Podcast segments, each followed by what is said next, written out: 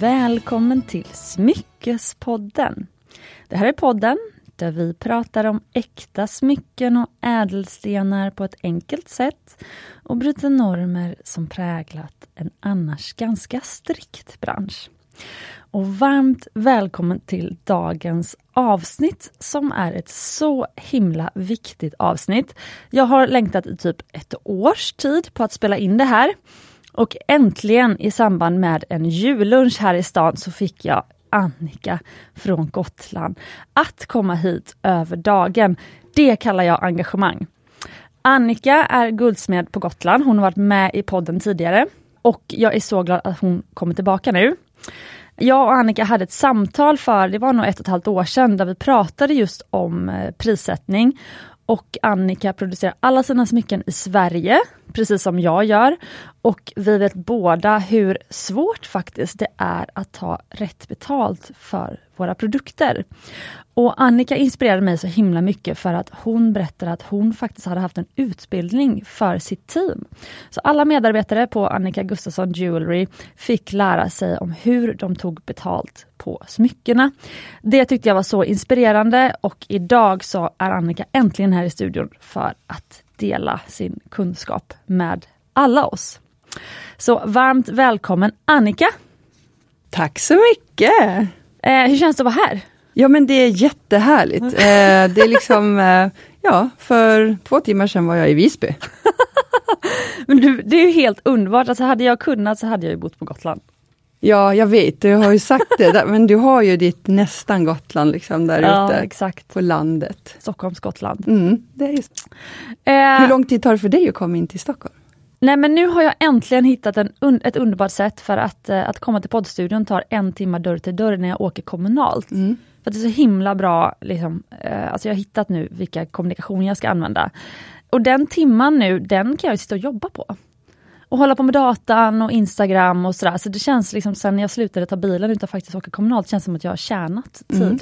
Perfekt. För att ta bilen tar ju också en timme. Ja. Så. Det gör ju det. Ja, men jag, det tog väl kanske en och en halv timme från mig dörr till dörr.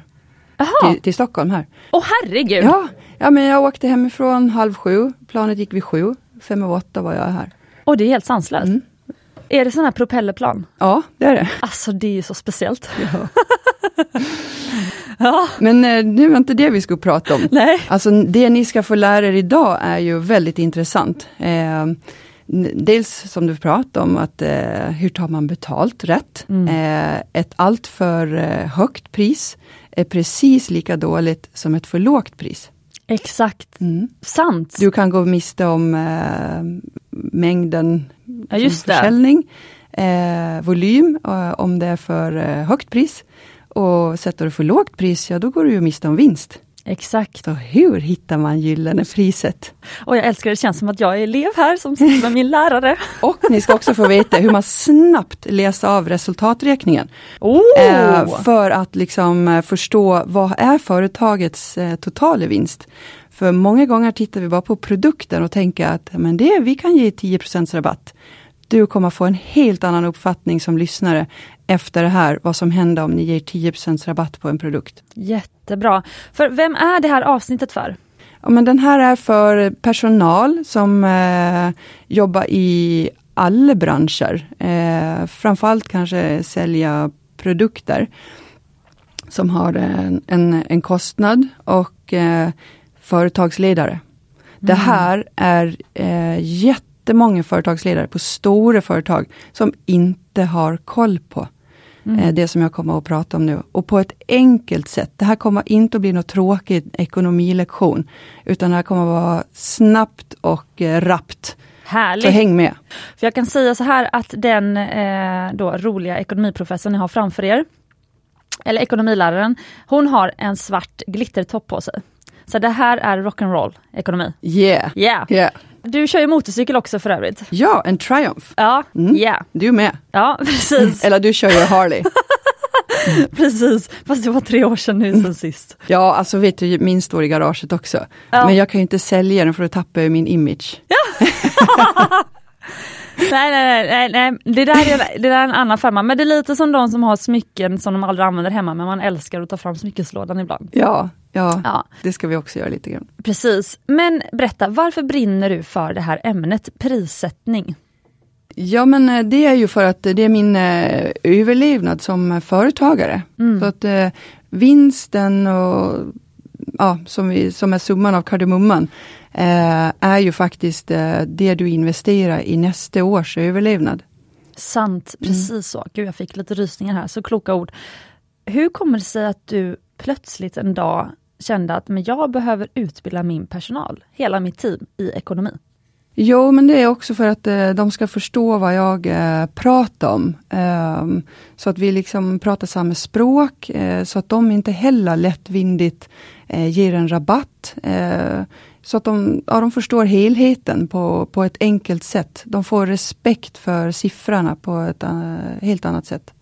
Och vad hände efter att du hade den här liksom, utbildningen med dem? Ja, alltså det, eh, det gjorde ju att de eh, tänkte annorlunda kring eh, när vi ja, pratade med kunden, med förlovning och vigselringar kanske som skulle kunna ha en liten förhandlingsmarginal. Ah. och framförallt, det ni kommer få lära er också idag, det är att hur går vi bort ifrån att prata pris? Ja, just det. Precis. Att istället prata värde. Eh, för det, det, vi kommer att gå in på också vad, vad är eh, mest eh, betalnings... Vad vill folk betala för? Mhm, Precis. Mm.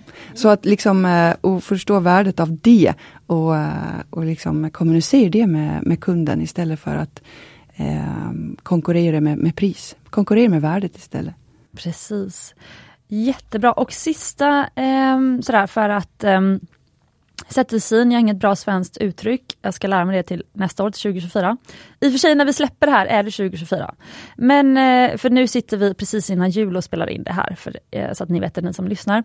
Men för att sättesin så som sagt, eh, så tänkte jag att du kan berätta vad du har för typ av företag, alltså vad, vad består er verksamhet av?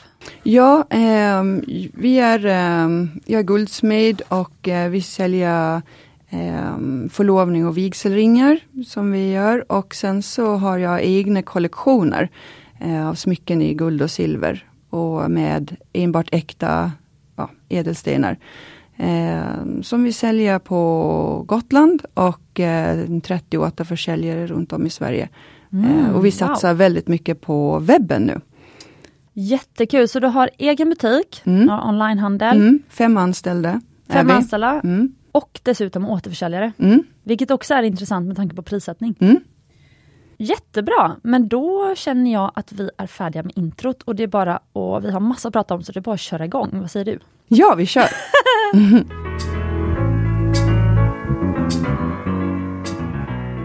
Okej Annika, Mm. du hade ett förslag på var vi börjar. Ja, jag tänker vi börjar med eh, resultaträkningen eh, för att få en överblick över hur, eh, hur företaget ser ut och deras vinstmarginaler. För att vi tror ofta att vi har en jättestor vinstmarginal på en produkt. Låt säga att vi säljer en, en ring för eh, 10 000 kronor. Du vet att ja, men min inköps eh, priset för det här med guldet och diamanten, ja, vi hittar på, det är någon tusenlapp. Ja, då, då tror du att ja, men resten är ju vinsten på den här eh, produkten. Mm. Och vi lägger på kanske på gånger två eller så. Ja men vänta, vi har 100% vinst på det här. Och då är det hur enkelt som helst att ge 10% rabatt. Mm. Men du glömmer helt bort de andra kostnaderna i företaget. Och det får du en väldigt snabb eh, överblick av på resultaträkningen. Vi tar exempel, eh, sådana som, det här är ju offentliga uppgifter så det är ju inget konstigt att ta. Vi tar eh, Maria Nilsdotter. Och var hittar man offentliga uppgifter? Ja men eh, du kan ju egentligen bara googla på det, det är alla bolag. Allabolag.se. Men där ser du egentligen bara vinsten och en, en stapel. Jag har ett program som är väldigt intressant som heter Bisgraph. Mm. Det är baserat på hjärnforskning. Så har man tagit fram eh, de här, liksom, du ser att staplarna här är färgglada. Ja, Så du ser väldigt snabbt att här är omsättningen på höger sida och sen så på vänster sida är det ju materialkostnader, det är övriga kostnader, personalkostnader. mm. Jag har också scannat av hela branschen för att se vad ligger vi branschen procentuellt, det kan vi ta sen. Ja, jättespännande. Mm. I alla fall, så tar vi tillbaka till resultaträkningen. Maria Nilsdotter, hon gör ett, eh, omsättning på 50 miljoner. Och eh, hon gör en vinst på 300 000. Vilka år kommer de här siffrorna ifrån? Det är det sista, senaste, 2022. Mm.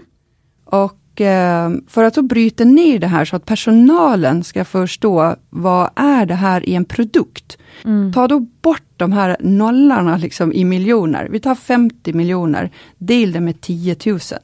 Så får du eh, fram liksom 5 000. Mm, då tar man alltså bort nu får man ju tänka på att många kanske valt den här branschen för att man inte älskar siffror. Nej, och det är liksom, den här det... branschen behöver förstå det lätt. Liksom så här. Ja. Men så ta bort alla liksom, eh, nollor i, i, i en omsättning. Mm, eh, för att jag vill komma ner på en rimlig liksom, produkt som du säljer för, som kostar 5000 ut. Alltså som, för omsättningen är ju försäljningen. Det kan finnas en, eh, ett företag som omsätter, vi säger, eh, 5 miljoner. Eh, men ta bort eh, liksom nollarna så att ni kanske kommer ner på eh, 5000 kronor. Så att det är liksom en rimlig produkt ni kan hitta i er produktserie. Ah, okay, som, men... som lirar liksom med eh, omsättningen. Vi säger Maria Nilsdotter som exempel, det här är offentliga uppgifter så vi tar hennes omsättning. Hon eh, har en försäljning på 50 miljoner. För att bryta ner det till ett exempel på en produkt, så del, här delar med 10 000, då får jag fram en en produkt på, som kostar 5000. Eh, och plus moms på det då, då, ja men då är det 6250. Mm. Så att, då kollade jag på hennes hemsida, ja hittar vi en sån? Jo det hittade jag en. En eh, ring som heter Statement Rings, som ser ut som någon eh, solgubbe här liksom i eh, eh, förgyllt eh, silver. Ja den kostar nästan 6 500. Exakt, Jättebra. så då kan liksom personalen eh, förstå att det här är liksom om du bara bryter ner omsättningen i, i miniatyr. Ja. Då kan du liksom förstå vinsten av just den här produkten baserat mm. på omsättningen. Jättesmart. Och sen så hade hon ju då ett eh, resultat, alltså vinst på 300 000. Ja, delar jag det också då i 10 000 så blir det 30 kronor. Så alltså, på den här ringen som motsvarar liksom procentuellt hennes omsättning, så har hon en vinst på 30 kronor. Herregud vad intressant. Um, och hennes vinstmarginal är alltså 0,6 procent. Så och vad händer om hon på en ring som kostar 6 000 kronor ut till en kund ger 10% rabatt? Det är alltså 620 kronor i rabatt. Ja, då går hon ju back. Ja, för hon hade 30 kronor i vinst. Jätteintressant. Mm. Okej, så att om det nu gick lite snabbt här för en del lyssnare och jag känner själv att eh, jag var inte jättesnabb på att lära mig i skolan. Men när jag lärt mig någonting, då kan jag det. Mm. Men inte så snabb. Men då handlar det alltså bara om att för att göra alla de här miljonerna som man ser ja. på alla bolag.se till exempel. Liksom. För att förstå dem så kan man enkelt eh, ta bort ett antal nollor. Mm. Ta bort så många nollor du behöver tills du hamnar i en produkt som, som motsvarar eran liksom, eh, produktlinje liksom, eller vad ni har att erbjuda. Precis, så i Maria Nilsdotters fall då så handlar det om, som Annika hittade här, en produkt som ligger på ungefär 5000 kronor mm. i pris. Ex-moms precis ex-moms. Men det som är för alla de officiella han, äh, uppgifterna som man hittar på till exempel alla bolag.se, mm. när man tittar på företagets resultaträkningar, mm. då är ju all moms, alltså all den här momsen som vi betalar till staten, den är ju inte med. Så man får alltid lägga på då 25, om du ska, om du ska liksom, äh, 25%. basera det på en, en, produkt som du själv liksom säljer. Precis. Äh, men det är ju också, det här är ju också din egen resultaträkning kommer du ju åt. Vi har ju man kan lätt tro liksom för hennes materialkostnader är eh, 19 eh, miljoner. Bryter man ner det så skulle det vara 1900 kronor på den här produkten.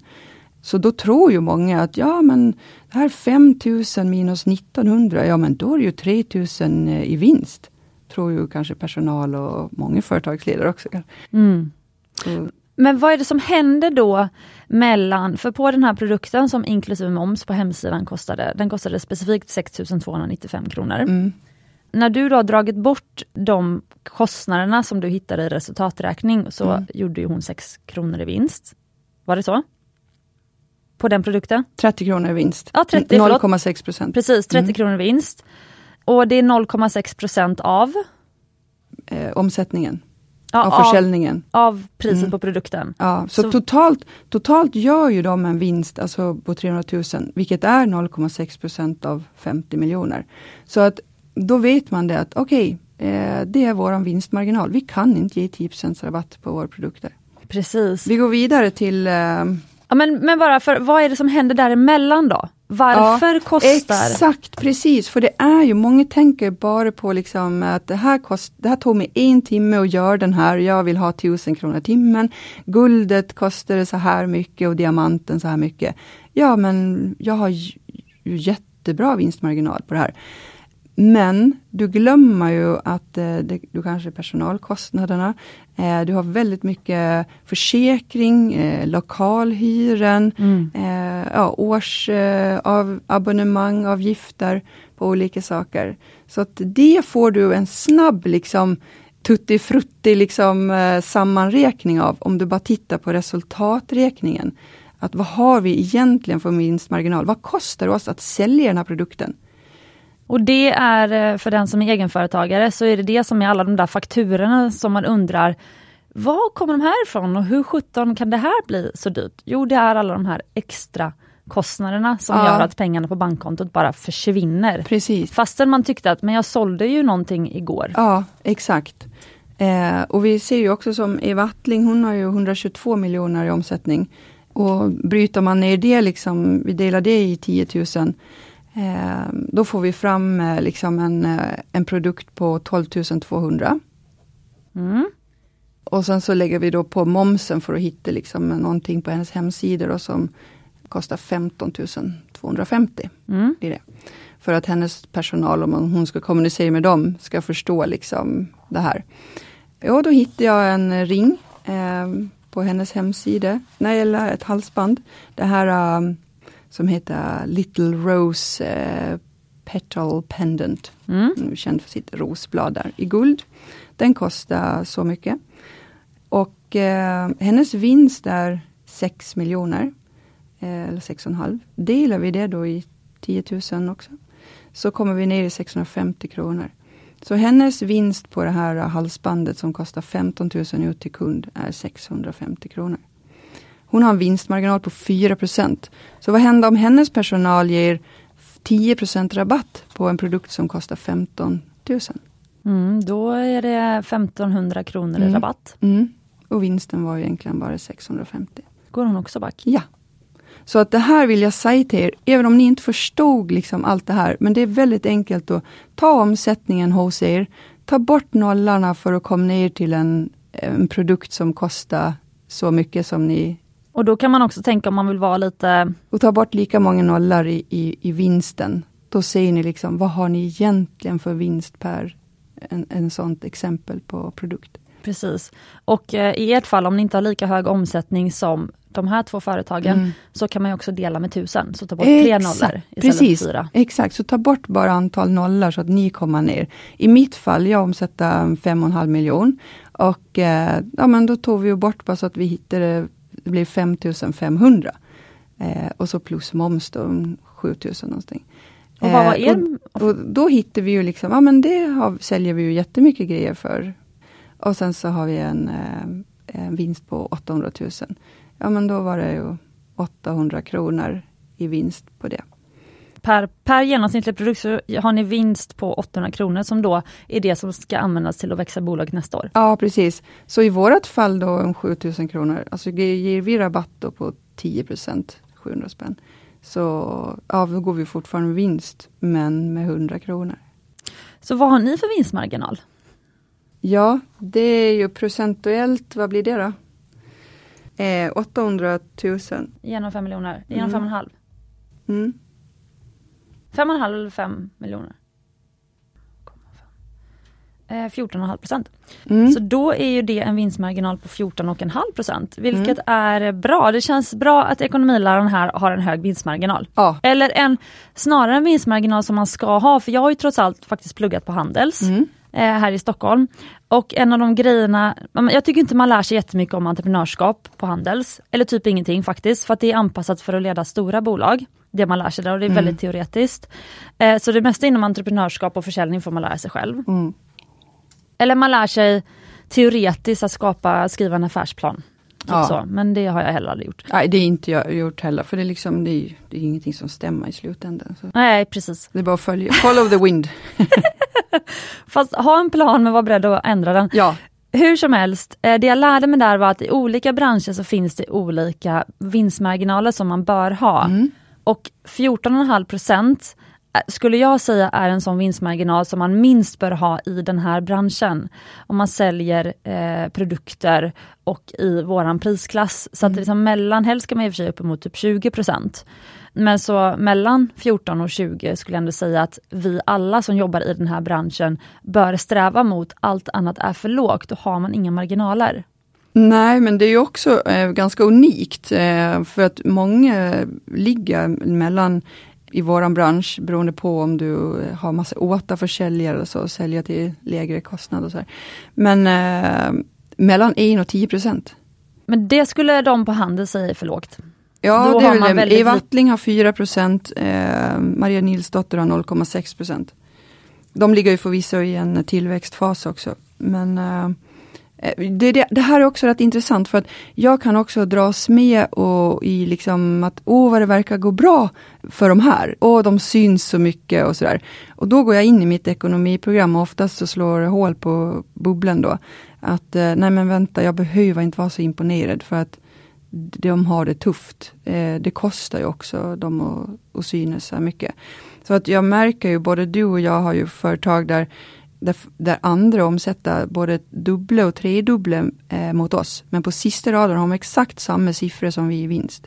Ja, men vet du varför? Alltså jag har ju haft ett mål väldigt länge om att alltid gå med vinst och alltid gå med hög vinst. Eller hög vinst, men eh, jag vill in, alltså jag, så pass hög att jag vill kunna sova gott om nätterna och att min personal ska kunna sova gott om nätterna. Nu är det ju, eh, jag tror att det är fler som är drabbade av att eh, man kanske har nära som kanske blir uppsagda från jobbet nu i de här tiderna. Alltså det finaste du kan göra mot ditt team, mot dina medarbetare, det är att driva ett företag som går bra med vinst. Så att de är trygga på sin arbetsplats. Ja. Och sen handlar det också om att genom att gå bra med vinst, nu kanske jag går händelserna i förväg här, men det är så mycket man vill säga i det här avsnittet. Eh, då har du också råd att ge väldigt bra kundservice. Till exempel vi, om, alltså om det händer någonting med, med våra smycken, då kan vi göra en helt ny ring till en kund och vi har råd med det. För att vi kan stå för det. Vi har tillräckligt hög kvalitet att det är så pass få smycken, det händer någonting med att vi kan Eh, och dessutom har vi då så pass mycket ändå pengar i kassan att vi har råd att eh, ersätta om det händer någonting eller liksom, ja, ge bra kundservice, ge extra mycket tid, eh, skicka ut eh, ett- med specialfrakt på olika sätt om det är någon, någon som ska till något annat land. Alltså det finns ju massa saker som du kan göra. Du kan ge extra presenter till dina kunder om det, om det behövs. Det finns massa saker du kan göra när du har pengar i kassan. Mm, ja, visst. Men jag ser också när jag scannar av liksom, eh, våran bransch eh, från norr till söder, så ser jag att många ligger på en vinst någonstans liksom, mellan 2 och eh, 10 Eh, så det är ju inte helt ovanligt. Är det, inte. Och jag, det, det som verkar vara trögast eh, business i vår bransch, det är de som säljer åt andra varumärken. Alltså Aha, vad intressant. återförsäljare. Ni har det jobbigast, de som är återförsäljare. Eh, de ligger på stora lager och ja, det är smartare att sälja sitt eget under eget brand. Mm.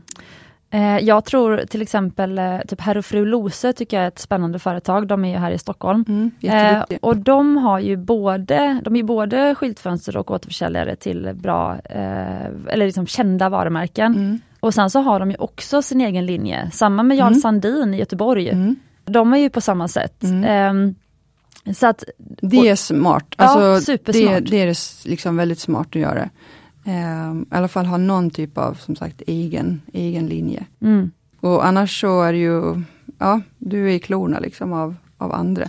Men det, det som är rätt intressant är också att alltså stora eh, företagsledare eh, gör misstaget i det här att eh, de lägger ungefär 70 på, att, på kostnaderna.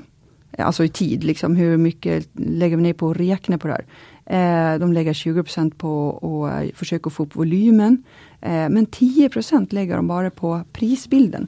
Och det visar sig ju faktiskt att priset är liksom den eh, vad ska man säga, största eh, faktorn till vinst.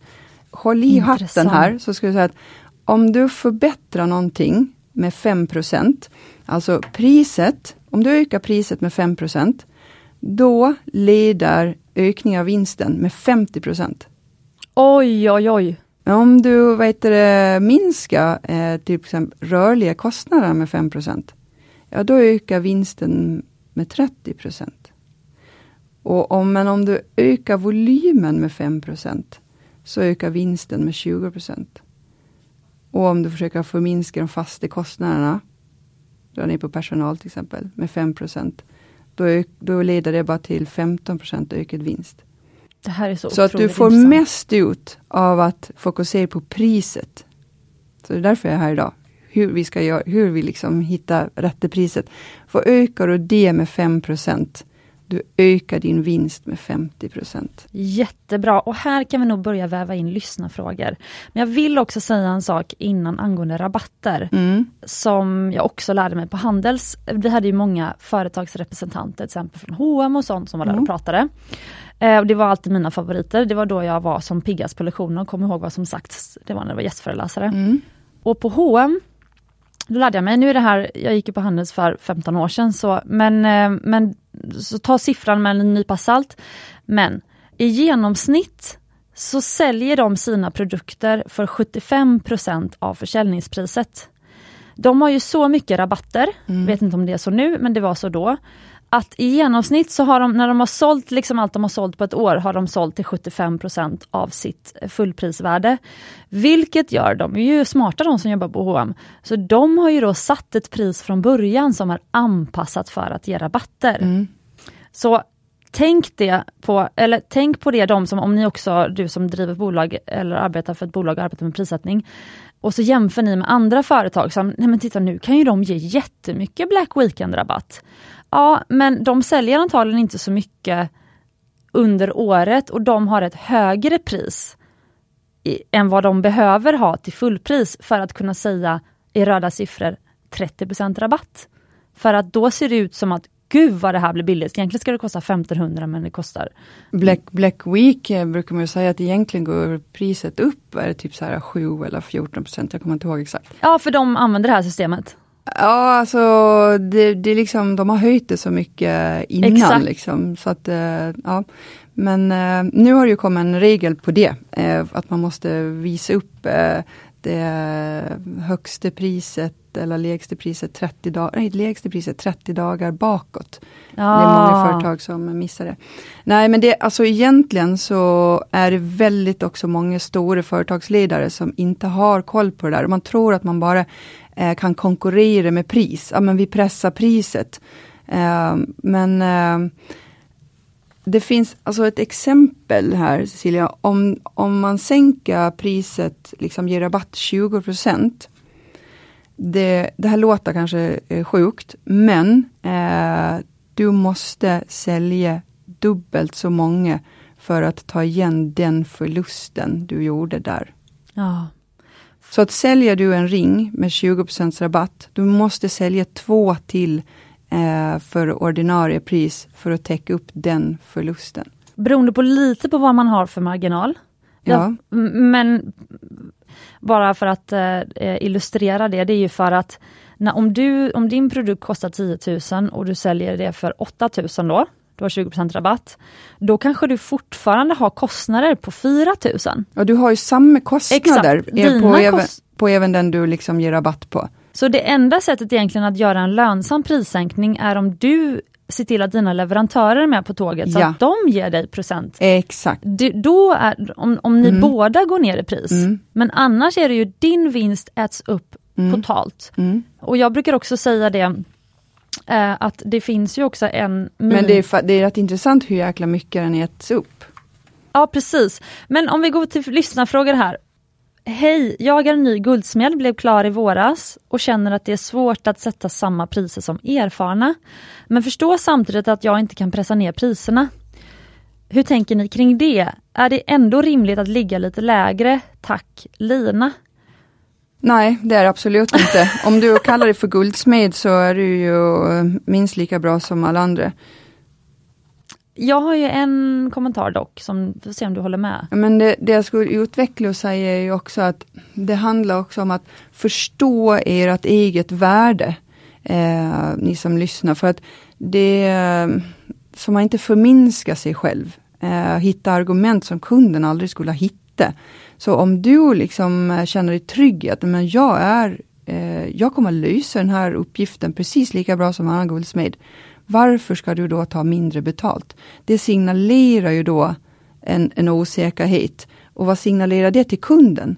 Ja, kan den då lita på att du utför det här lika bra om du liksom säger att om du då skulle säga ditt argument att jag tar lite mindre betalt för att jag är ju inte lika erfaren. Men bör hon ha samma pris på sitt, sin till exempel diamantsolitärring som Annika Gustafsson Jewelry om hon inte har en fin butik i Visby, eh, hon har inte fem anställda, eh, alla de här grejerna. Hon har kanske sin guldsmedja i hemma eh, hos sig själv, eh, kanske säljer online. Ja, alltså, så man kan ju välja själv vad man vill ha för vinstmarginal i slutändan. Ehm, men eh, varför inte? För att det signalerar ändå för kunden vad värdet eh, på produkten. Så att, eh, men det finns ju, det finns ju, vad ska man säga, de här lågpris eh, företagen sätter ju det här i system, liksom vi säger så här, Ryanair och de här. Där går ju de ut och konkurrerar med pris och då har sett till att produktionen är mycket billigare, man förhandlar liksom om kostnaderna. Man kanske, som då i hennes fall, eh, man ser till att kontoret är eh, liksom eh, inte något fancy pansy.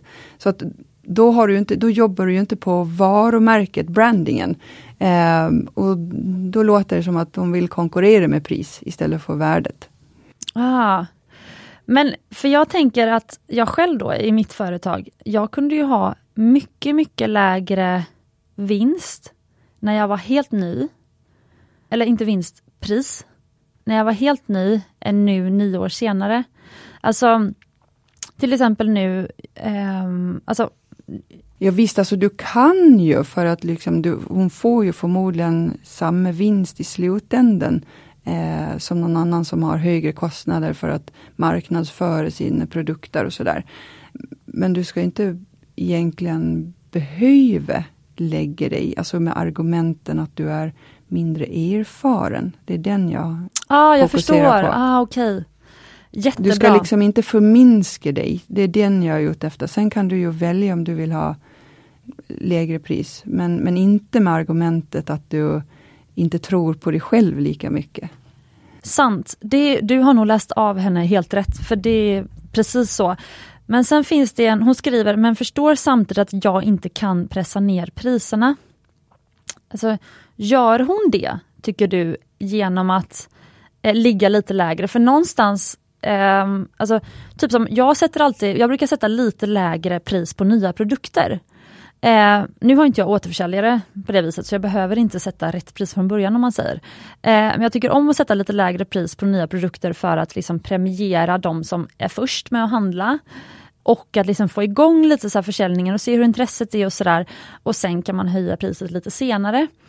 Alltså, och samma sak med för henne. Eh, jag tänkte, alltså, om du är helt ny, visst du kan ju våga sätta ett jättedyrt pris för att visa att jag ligger en helt annan, alltså om man är väldigt kaxig snarare, motsatsen till, till hennes fråga här. och bara, nej men jag ska ha liksom gånger fem i marginal och den här, liksom, jag sätter den här timlanen på mig själv och Mm. lägger in det i produktionspriset och så blir det jättehögt pris. Mm. Det kan ju signalera, wow den här tjejen är riktigt duktig. Mm. Så det kan ju vara smart ur marknadsföringssynpunkt. Men annars kan det också vara ett sätt att så här, jag är skitduktig men jag har inte så mycket omkostnader än så jag behöver inte ta så mycket betalt. Mm. Jag sitter här i min källare, har minimala kostnader utöver mina direkta produktionskostnader. Jag har eh, aktier som eh, rullar in på eh, investeringar, jag behöver inte ens ta mig ut min lön. Nej, behöver man Men sen är det också kortsiktigt tänkt. För att Ja. vara så här, jag behöver inte. Nej, det är för att få liksom det här året att, att gå ihop. Men eh, du behöver ju, låt säga så här då, om du ändå tar ut så som eh, marknaden tar i pris eh, och du går lite mera med vinst, ja, men då har du ju faktiskt också luft för att inte behöva jobba 100% med det här, utan du kan ju också då ha lite luft till att fortbilda dig för att bli ännu bättre. ja, För att annars är du fast i, liksom, i, i produktionen för att liksom jaga din egen vinst mm. eller så. Eh, så att eh, det är ändå för framtidens investeringar, som vi var inne på tidigare, så är vinsten din framtida överlevnad. Jättebra. Och, och det här, liksom, om, om man känner att man vill lägga sig liksom, i så fall lägre pris, föreslå fler alternativ till kunden. På kvalitet, på diamant eller sådär. Så, så får den ett, vi ska prata lite om eh, sån prisförankring, alltså hur, hur tar man rätt, eh, rätt pris. Jättebra, vi kan gå in på det direkt faktiskt. Mm, det gör vi. Och eh, alltså det finns ju, eh, egentligen är det så roligt att två eh, grejer som stora företagare eh, brukar förhålla sig till, som egentligen är ganska farliga att förhålla sig till. Eh, det är nummer ett, eh, vad har vi för eh, kostnad? Eh, vi säger att den här produkten eh, den kostar oss 1000 kronor att tillverka. Ja, men vi lägger alltid på gånger tre. Mm. Och eh, så är ganska många företagare som gör att rakt av på hela alltihopa så gånger vi alltid med en viss procent. Mm. Det andra sättet som man gör, är att använda konkurrenten som en prissättare. Mm. Man utgår ifrån vad tar den här konkurrenten och så bestämmer man, vi ska alltid ligga kanske 10% under den eller 10% över den. Ja. Men då har ju liksom ekonomiavdelningen förlagt sin eh, prissättning hos konkurrenten. Ja, och då kan man ju faktiskt göra din uträkning som vi pratade om i början och så kan man se, vill vi också ha 6 vinstmarginal? Ja. Eller har vi andra rörliga kostnader eller fasta kostnader vi behöver ta hänsyn till som inte de har? Precis, du är på det direkt för att du kan inte använda konkurrenten för du har ingen aning om hur deras, liksom, de kanske har pressat priserna jättebra eller de har en helt annan kostnadsbild eh, Mm. än vad du har. du har. Och också om du gånger allting bara med en, en viss procent. Låt säga att den här, en produkt landar på 1100 kronor. Eh, eller vi säger i våran bransch är det större siffror, vi säger 11 000 då. Det kanske är att du slår helt fel. För att det är, vad är kunden beredd att betala för? Jo, det upplevde värdet. Mm. Det måste finnas ett glapp mellan pris och kundens upplevde värde. Mm. Glappet är alltså att kunden känner att den har gjort en bra affär. Eh, så att om du landar på 11, 11 000 säger vi, kunden kanske känner att nej, den här skulle jag nog bara vara beredd att betala 9 000 för. Då tappar du ju volym, försäljning. Men det skulle också kunna vara åt andra hållet. Den bara, fan jag skulle kunna vara beredd att betala 15 000 eller 12 000 för den här. Men Eh, då tappar du ju vinst. för då ställer ju ekonomen från Handels frågan, hur räknar man ut det upplevda värdet? Hur hittar man the sweet spot? Ja, alltså, och där eh, måste du nog vara eh, psykolog, inte ekonom. För att det upplevde värdet, alltså vad är det kunden vill betala för? Lite, lite mer för. Eh, det är mest mjuka värden. Mm. Alltså hälsa, vad ger det liksom mig i glädje? Eh, friskare, mindre olyckor, trygghet etc. Det kan vara en sån sak att de får möta er personligt, att det är en, en guldsmedje i stan. Eh, det kan vara en trygghet i sig, att det känns tryggare att liksom beställa av den än, än någon annan på nätet som man inte känner till. Nej men det, man måste liksom eh, fråga kunden. Det är det, så att man inte bara liksom bara rakt av sätta ett pris. Utan ha, vet du, ha öret på rälsen och, och fråga dem lite mera. Vad är liksom ditt eh, maxpris du kan tänka dig att betala? Alltså om du sitter med en kund.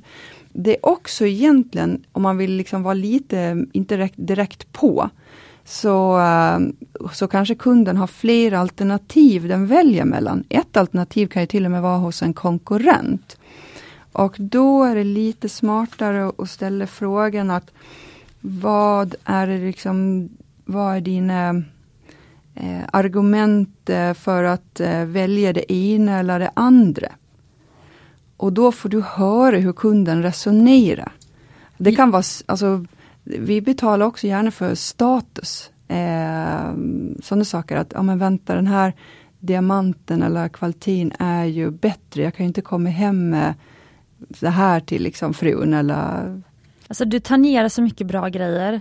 Eh, jag har faktiskt fått den som kommentar på ett kundmöte. Eh, Gud vad kul att du är så engagerad i det du gör och det gör att man vill handla av dig, för vi var precis här och där, mm. alltså, nämner inga namn. Och eh, de var inte alls lika så här, de brann inte för det här så som du brinner för mm. det.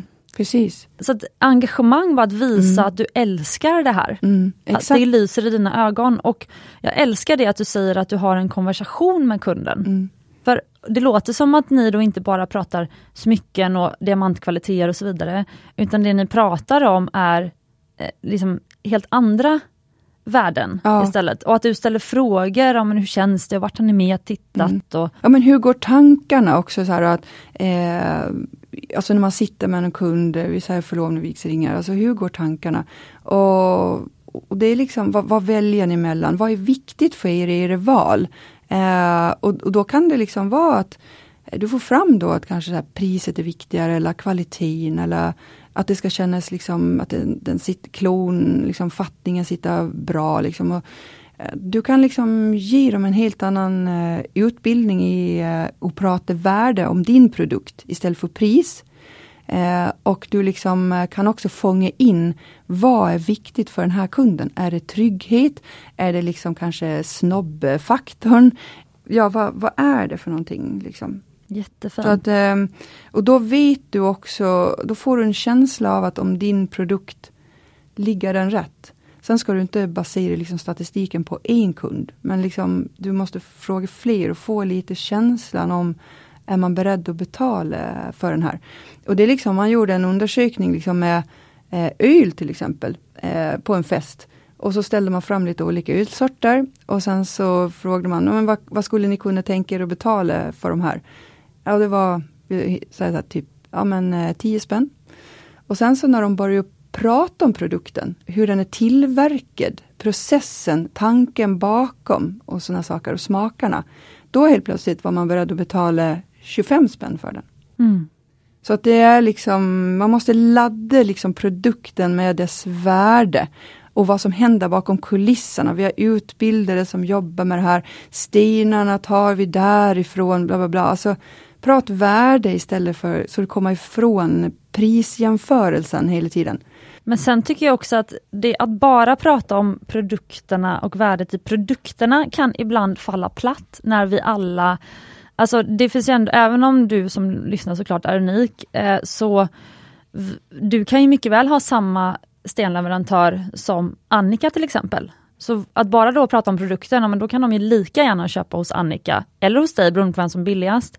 Men det jag till exempel tycker att du Annika har gjort helt fantastiskt är just att du har vågat smalna ner till att bli det här Gotlandsmärket. Alltså i din design och hela din kommunikation, i ditt bildspråk, det du pratar om, sättet du lever på själv, är ju det här Gotland, eh, Gotlandssjälen. Och värdet av att få med sig ett smycke hem från dig när man varit i Visby till exempel, det är ju så mycket större än att ha varit i en, ja, alltså i en generisk, alltså man, man, man vill köpa med sig en riktigt fin souvenir hem på ett mm. sätt. Som får en att tänka tillbaka på den här underbara sommaren på Gotland. Mm. Och bara det är ju värt liksom, 20 överpris, håller jag på att säga. Eller liksom 20% mer än vad det hade varit om du eh, inte alls hade haft den här liksom, auran Mm. av Gotland. Så att det jag tycker många gör fel är att man inte, man struntar i att vara sin egen marknadsavdelning.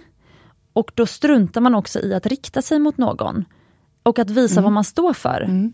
Alltså det räcker att se en bild på ert, liksom en, en, en, en bild från ert varumärke. Så får man så här, åh, den här känslan vill jag åt. Mm. Och det Ja, men är du, en du är på konst. någonting också med det här med minne, alltså det är ju, smycken skapar ju känslor och, och minnen. Eh, så att det liksom underskatta inte det ni redan har och bygg på det. Liksom. Vad har ni för historia och sådana saker. Så att man inte bara jämför sig då att ja, men den här konkurrenten, de, de har en likvärdig produkt, de tar det här. Ah, Okej, okay. ah, vi är ju inte lika liksom, kända, men vi, vi tar liksom eh, 20% mindre. Ja men mitt bästa tips till- Jobb på liksom ert värde då.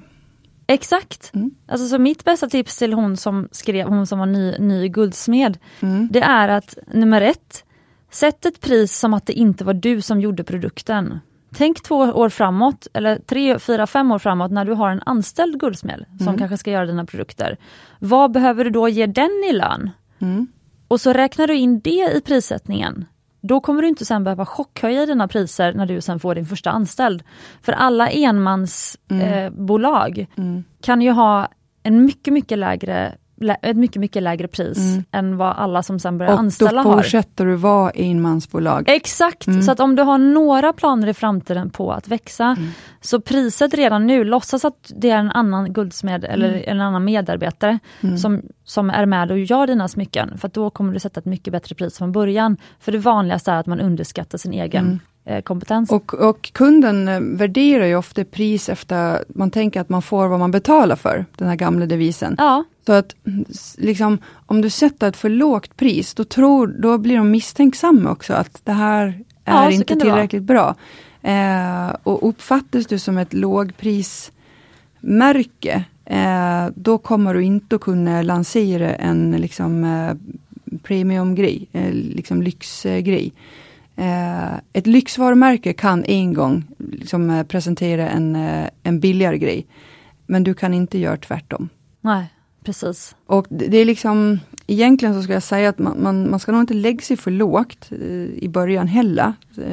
Utan, för det är psykologiskt mycket svårare att höja priserna. Mm. Och man har vant kunderna med, med någonting.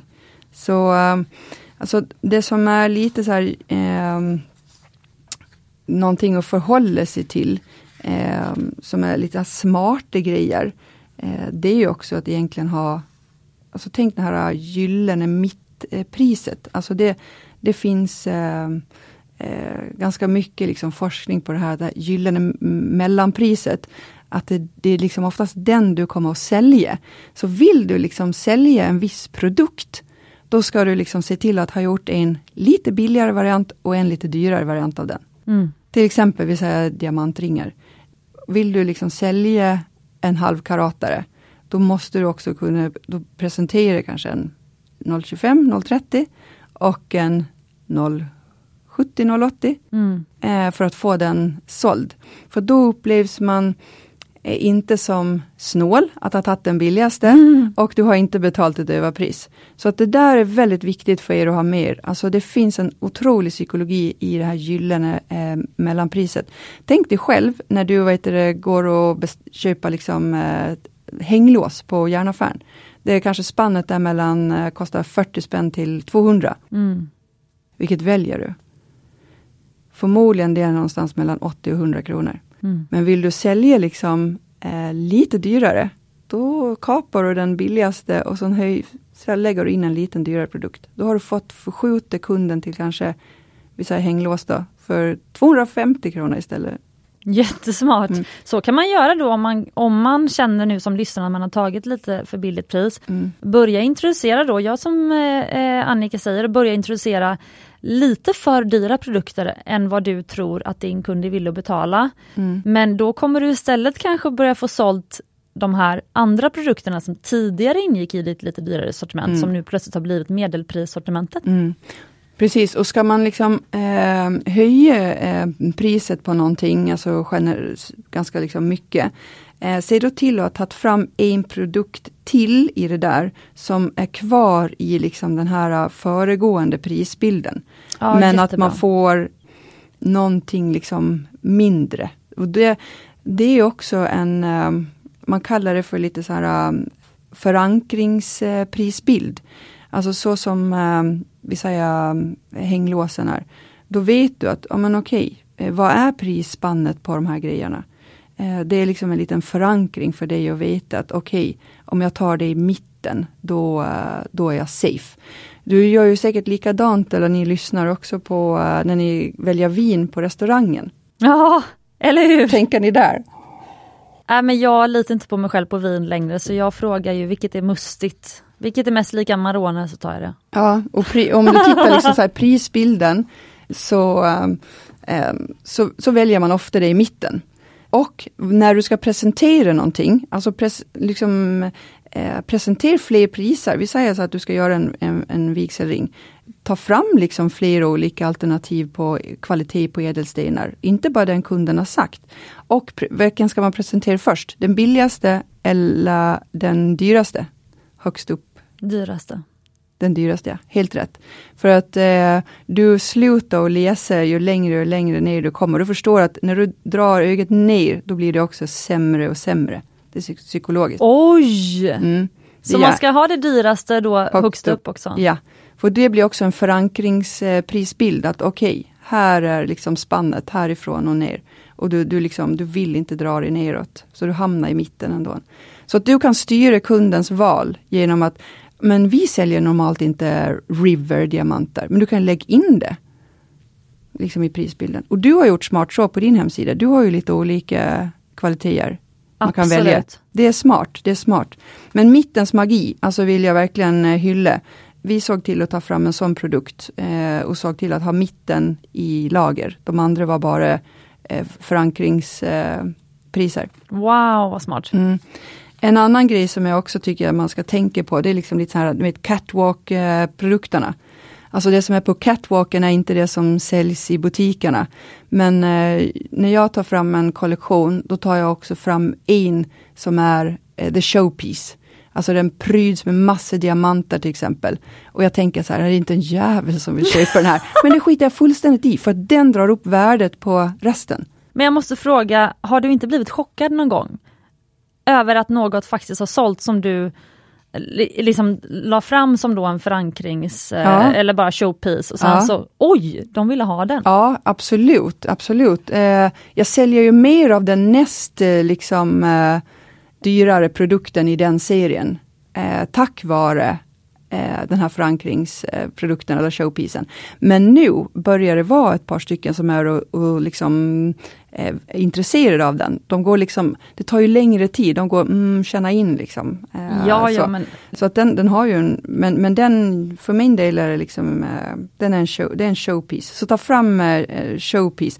Och, alltså ska ni visa upp liksom ringar till en kund, eh, ha liksom eh, fler varianter att visa på, alltså större stenar till exempel. Eh, en kund kommer aldrig att handla en större sten än den den har sett i verkligheten. De kan inte visualisera och förstå då varför ska jag betala mer för någonting jag inte har sett eller förstår. Så att även om du inte säljer säga, så mycket enkaratare, men ha i alla fall en uh, cubic zirkon som show, alltså visa upp den storleken. För att liksom, annars kommer de aldrig att dra sig åt det hållet. jag har fått en lyssnarfråga. Mm. Är Lingård värd sitt pris? Och då menar hon ju smyckesmärket Ole Lingård. Ja, precis. Alltså, det där är bra frågor, för värdet, det är ju vad kundens upplevde värdet, vad de får för det. Eh, de upplever att de får, alltså, eh, där har de ju lagt sig i, eh, vad ska man säga, snobb eh, eh. Ja men det är så här, en Ferrari hade inte varit en Ferrari om den inte kostade så mycket. Förstår ni? Så att eh, värdet, alltså det är klart att deras skrotvärde är ju inte mer än våra smycken, liksom, om man skulle smälta ner det.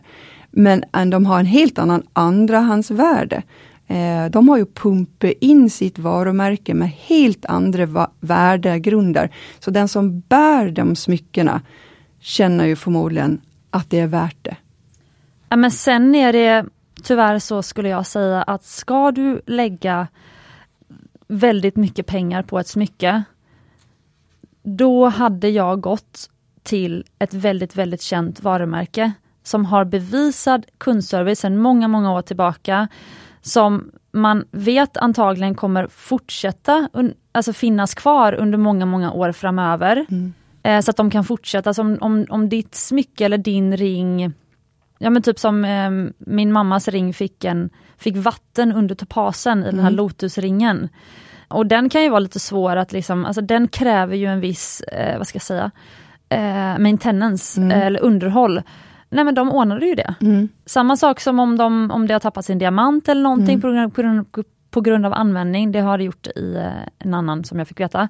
Då ordnar de det med. Alltså, ja du köper en dyr produkt, men du får all kundservice i efterhand, så mm. det är en väldigt säker investering. Och om du sen vill sälja den, då får du nästan lika mycket mm. Tillbaka. Andrahandsvärdet är ju högt. Jo men jag skulle säga, jag har mm. tagit min Vespa som exempel tidigare. Alltså när man köper moppe mm. så är det så här, ah, ska du verkligen köpa en Vespa? Det är bara onödigt. Det är ju italiensk skit mm. eh, som bara kostar mycket pengar. Mm. Absolut inte. Du får ofta väldigt bra eh, service på den och sedan håller den sig i värde.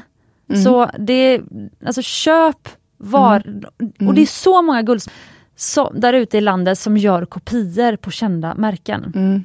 Och det är många som gör kopior även på Mumbai-ringar. Mm. Och det, vi kan till och med få kunder som mejlar oss med, och så bara, men det här var, ja ah, jag gjorde en sån, den var inspirerad av er. Mm. Och då blir jag så här, och nu vill hon då den här specifika som jag tänker på, nu vill hon då byta in sin diamant och göra något annat och jag är så här, nej sorry det finns inget bevis, eller det finns inga, du har inga papper på diamanten, det mm. finns ingenting Alltså den är inte värd så mycket längre Nej. för att du inte har köpt den från liksom rätt. Hade hon köpt det från oss hade vi kunnat ge henne 50% tillbaka mm. och vi hade kunnat sälja den på auktion antagligen. Mm. Eller 40 Ja, eh, och de som liksom gör det där, att kopiera så, eh, vinner ju ingenting på det. För att det man vinner på, det är att bygga sitt eget varumärke. Eh, pumpa in det med liksom eh, mer värde.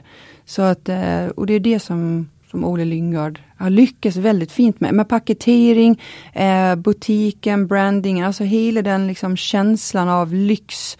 Eh, och liksom innovation, design, allt sådana där saker liksom, och kvalitet.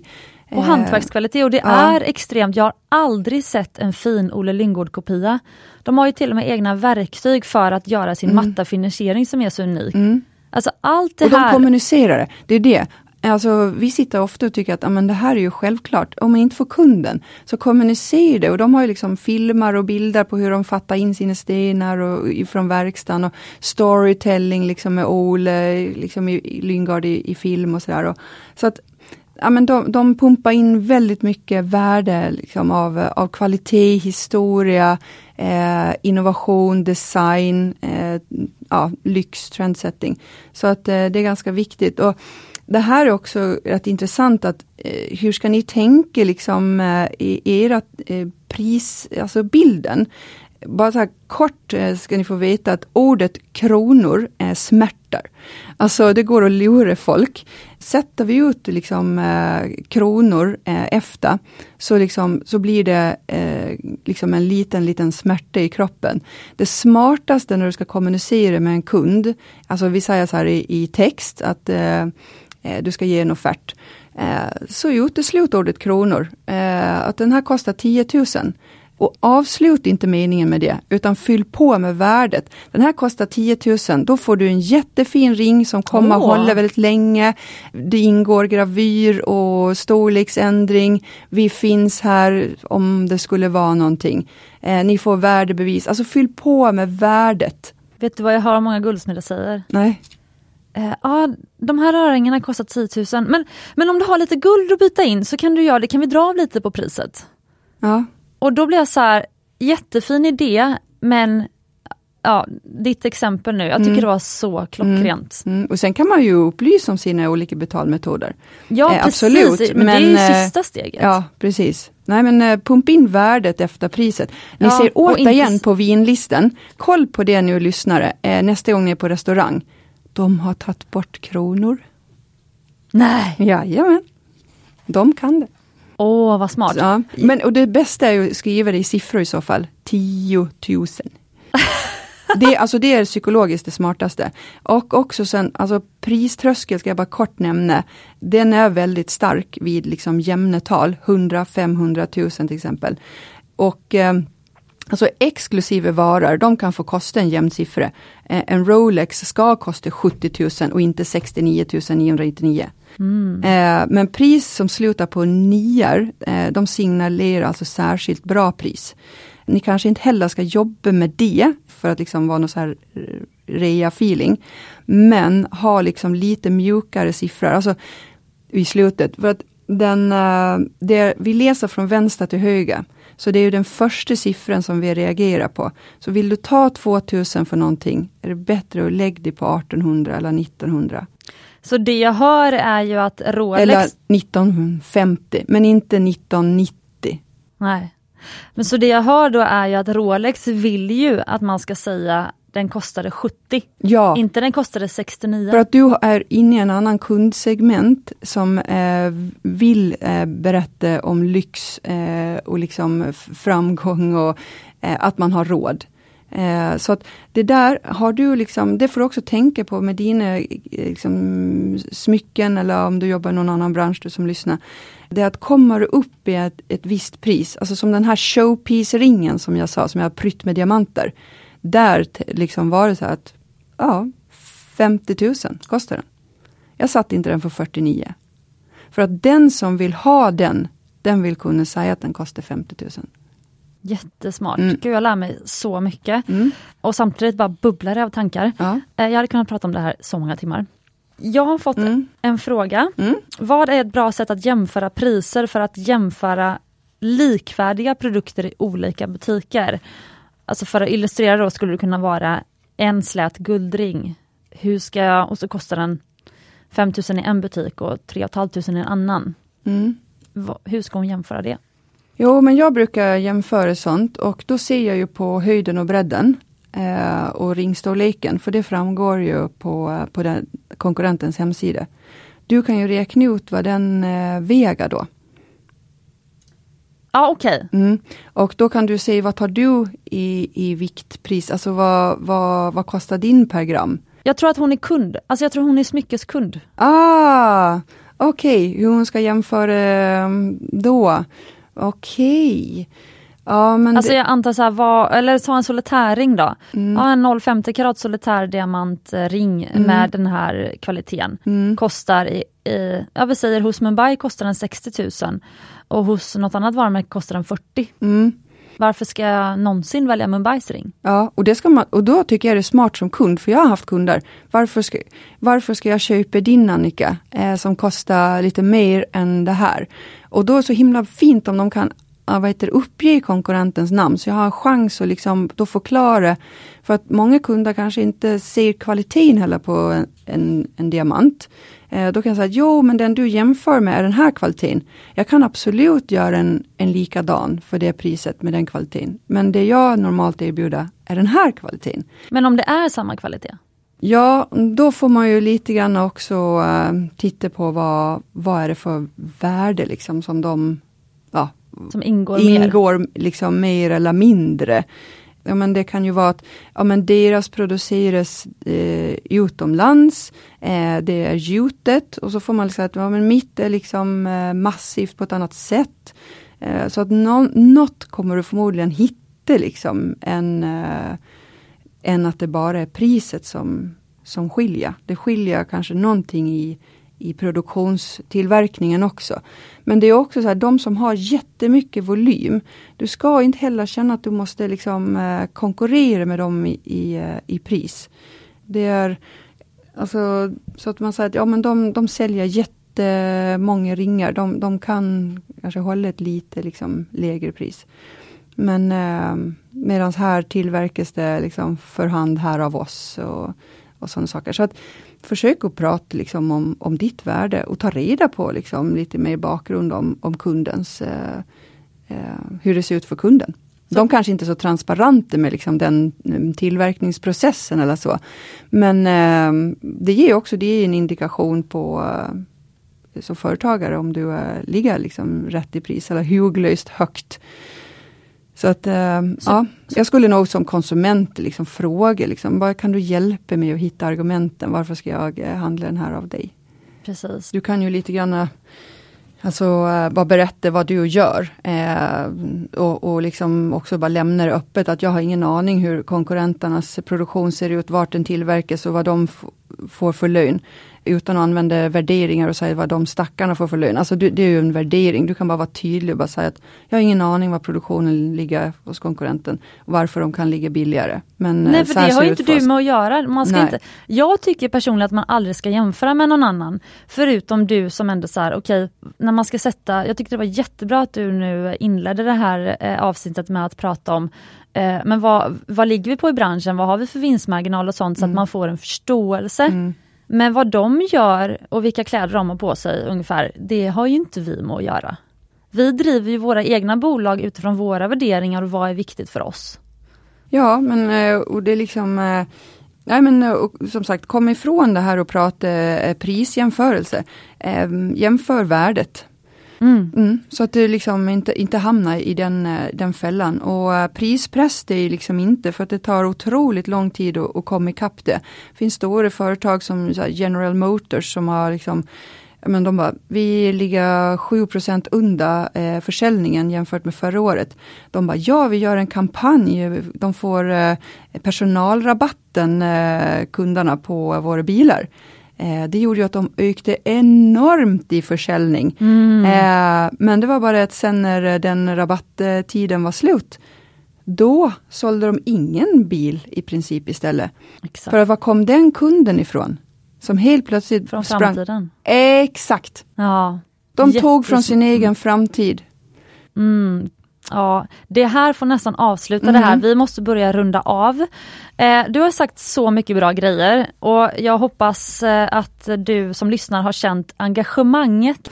Eh, vad säger du Annika? Eh, är det något som du känner så här, det här har jag inte fått sagt och det är jätteviktigt att eh, lyssnarna får veta. Nej, jag har sagt eh, liksom eh, allting och jag summerar att prat mer värde än pris och eh, jag hoppas att ni har fått förståelse vad, vad händer om vi ger 10% rabatt.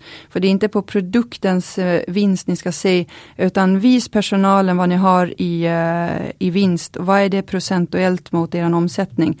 Då ser ni vad ni har för eh, liksom rabattmarginaler och förmodligen ingen. Så höj priset, vi sa det, höjer ni priset med 5% så ökar vinsten med 50% Precis. Räkna på det. Och eh, hur kommer man i kontakt med dig Annika? Jag kan tänka mig att det kanske du kommer få meddelanden från folk som vill, vill kanske förstå det här du pratar om mer. Det är kanske svårt att höra siffror i, i eh, Ja precis och vi, kommer, vi lägger ut eh, sen några bilder eh, på det här också, tabeller.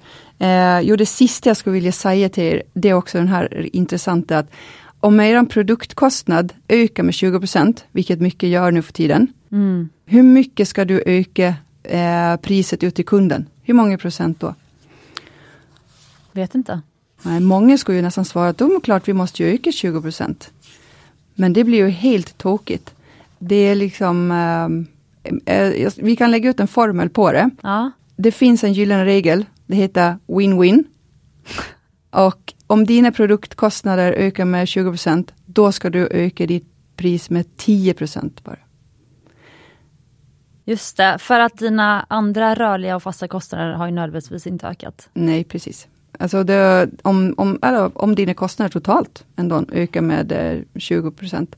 Så eh, låt säga att en produkt som eh, kostar 1000 kronor ut mm. och eh, kostnaden för att ta fram den är 100 spänn. Ja, din vinst är ju 900 kronor då. Men om du ökar den produkten med 20 procent, ja då blir ju priset 1200 ut. Men din eh, kostnad är ju bara 120. Mm. Och då går du ju med vinst med 1080. Det är ju inte snällt. Men så att eh, du ska liksom bara öka, ni ska dela på, på kostnaden. Precis som om du lyckas att pressa priser, så ska du inte ge kunden hela det, utan då ska ni också dela på den vinsten. så att det är det, win-win. Jättebra. Mm. Ja, Det är många som gör det misstaget. Stort tack Annika. Mm. Nu har vi inte ens hunnit prata om dina fantastiska nya produkter. Nej, skitsamma. Ni Ja. kan se mig på, hit mig på Instagram, Ja. Annika Gustafsson Jewelry. Ja, precis. Mm. Och eh, så generös att du delar med dig. Jätteroligt och jag har lärt mig massa. Eh, fått massa nya in, ehm, eh, infallsvinklar på det här. Och jag hoppas att du som lyssnar också har fått det. Och med de orden så önskar vi er en riktigt Ett gott nytt år, för 2024 kommer det ju vara när det är sänt det här. Hoppas att Just 2024 det. blir ett riktigt vinstdrivande år. Ja, precis. För både eh, kunder och eh, företagare då. Ja, Mm, ni har ju både lyssnare. Win-win, Ja, precis. precis. Säg till om det är någon eh, företagare som har ökat på för mycket. Då har de glömt win-win. Det ska vara en differens mellan pris och upplevt värde. Ökar man då hela sin kostnad, lägger det på kunden, då har ni tagit av det upplevda värdet. Jätte, jättebra. Och om du tycker att ett företag verkar ha väldigt dyra produkter mot det upplevda värdet, så kolla då deras eh, bruttomarginal. Googla på det och kolla bruttomarginalen. Mm. Stort tack för att du har lyssnat och kom ihåg att du är värd äkta smycken och ädla stenar till rätt pris.